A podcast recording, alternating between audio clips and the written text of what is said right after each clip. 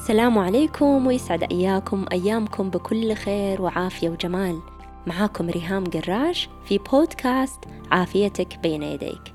أنا طبيبة متخصصة في الطب الشمولي واستخدام نمط المعيشة وأنواع الطب المتعددة لدعم التشافي والتخلص من الأعراض والأمراض المزمنة بإذن الله.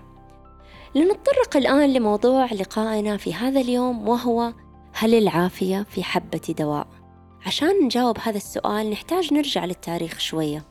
نظام تشغيل الطب التقليدي انبنى وتطور نهاية أيام الحرب العالمية الثانية لاستقبال الحالات الطارئة والحادة المنتشرة بسبب ضحايا الحرب هذيك الأيام. من ارتفاع نسبة العدوى البكتيرية وارتفاع عدد الجرحى المضطرين للجوء للعمليات الجراحية الحرجة والطارئة. هذا النمط الطارئ للعلاج المبني على حالات مرضية حادة واستجابة عاجلة بدواء أو عملية جراحية تنقذ حياة الفرد طغى على نمط وثقافة المجتمع الطبي في هذاك الوقت. ولكن نمط وثقافة المجتمع الطبي منذ ذلك الوقت لم تتغير. فلا زال آه، قدرة الطب الحديث على الاستجابة للأمراض الحادة أنجح بمراحل عديدة من قدرتهم للاستجابة والتعامل مع الأمراض المزمنة.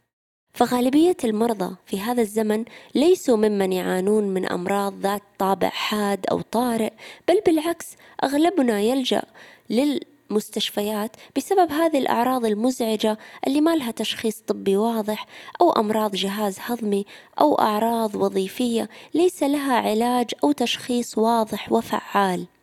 من وجهة نظر الطب الحديث أو بسبب أمراض مزمنة أو مناعية كلها في ارتفاع مستمر بسبب أنماط المعيشة الحديثة وزيادة التعرض للسموم البيئية والغذائية. السعودية لوحدها تدفع ما يقارب 6 مليار ريال سنويا لعلاج مرض السكري.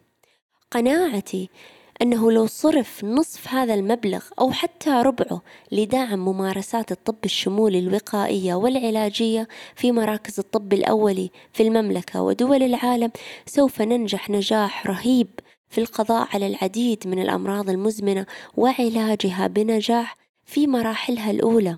لأننا نعلم أن جذور أمراض العصر الحديث مثل السكري، الضغط، دهون الكبد، الاكتئاب وغيرها ينبع من أنماط المعيشة المخالفة للفطرة والمخالفة لطبيعتنا كبشر. والاعتماد على التغذية المصنعة والمعلبات والسكريات والزيوت المهدرجة وقلة الحركة وزيادة التوتر والضغوطات النفسية اللي يشعرون فيها الناس. ولكننا أيضا نعلم أن أغلب تركيز الطب الحديث هو على الوصفة الطبية والعلاج الدوائي. النصيحة اللي يلقاها المريض خلال بضع دقائق من زيارة طبيبهم كلها كل صحي فلان تحرك وانتبه على نفسك. نعرف أنه هذه النصيحة غير فعالة لإحداث التغيير اللازم في حياة الفرد ليبدأ في التعافي من مرضه. ولأن المستشفى يتعامل بنفس الفلسفة المبنية على أن هناك حبة سحرية ستعالج كل مرض مع كلا النوعين من الأمراض المزمنة والحادة. نجد أن النتيجة محزنة وغير مرضية للأطباء والمرضى. بعد دراسة الطب عملت في أضخم وأعظم مستشفيات في الولايات المتحدة الأمريكية وتنقلت من شرقها لشمالها ثم غربها. في كل مرة أصيب بخيبة أمل.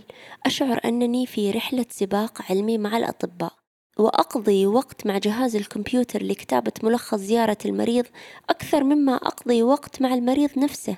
سرعان ما أصابني هذا الأمر بالفتور والاحتراق سريعا ما أصابتني حالة من الحزن العميق. وسألت نفسي هل هذا ما استثمرت 11 سنة من حياتي للوصول إليه؟ أين الطبيب الحكيم المعالج الذي رغبت أن أكونه؟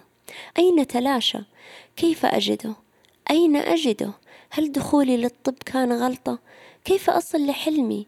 لأن الطب وقتها أوصلني لمكان لا أرغب بالوصول إليه.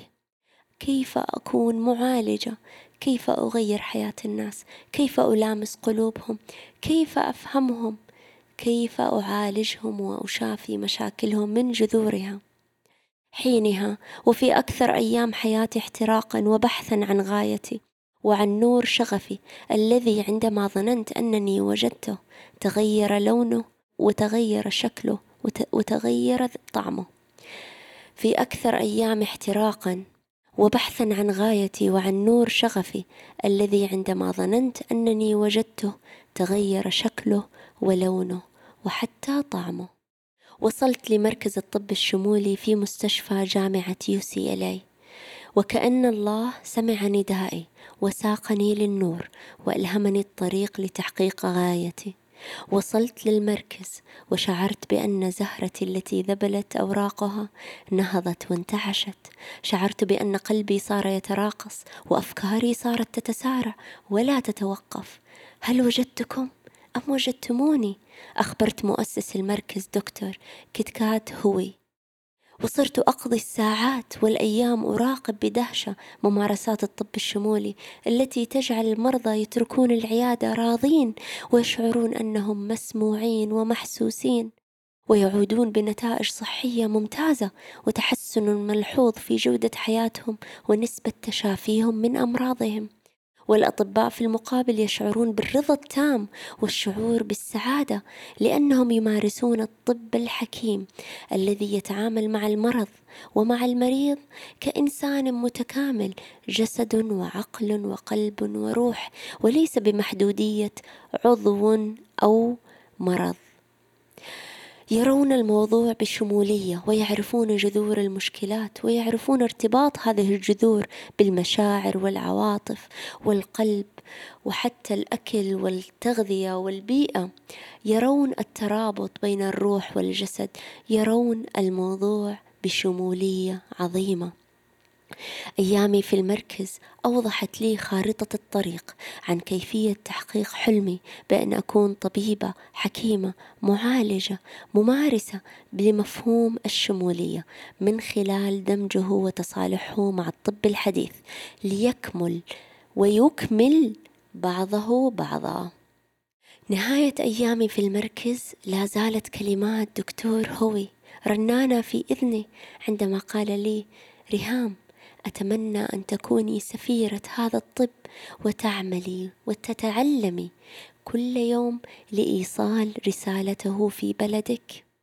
ومن منصتي هذه أنادي بأن العافية ليست في حبة دواء.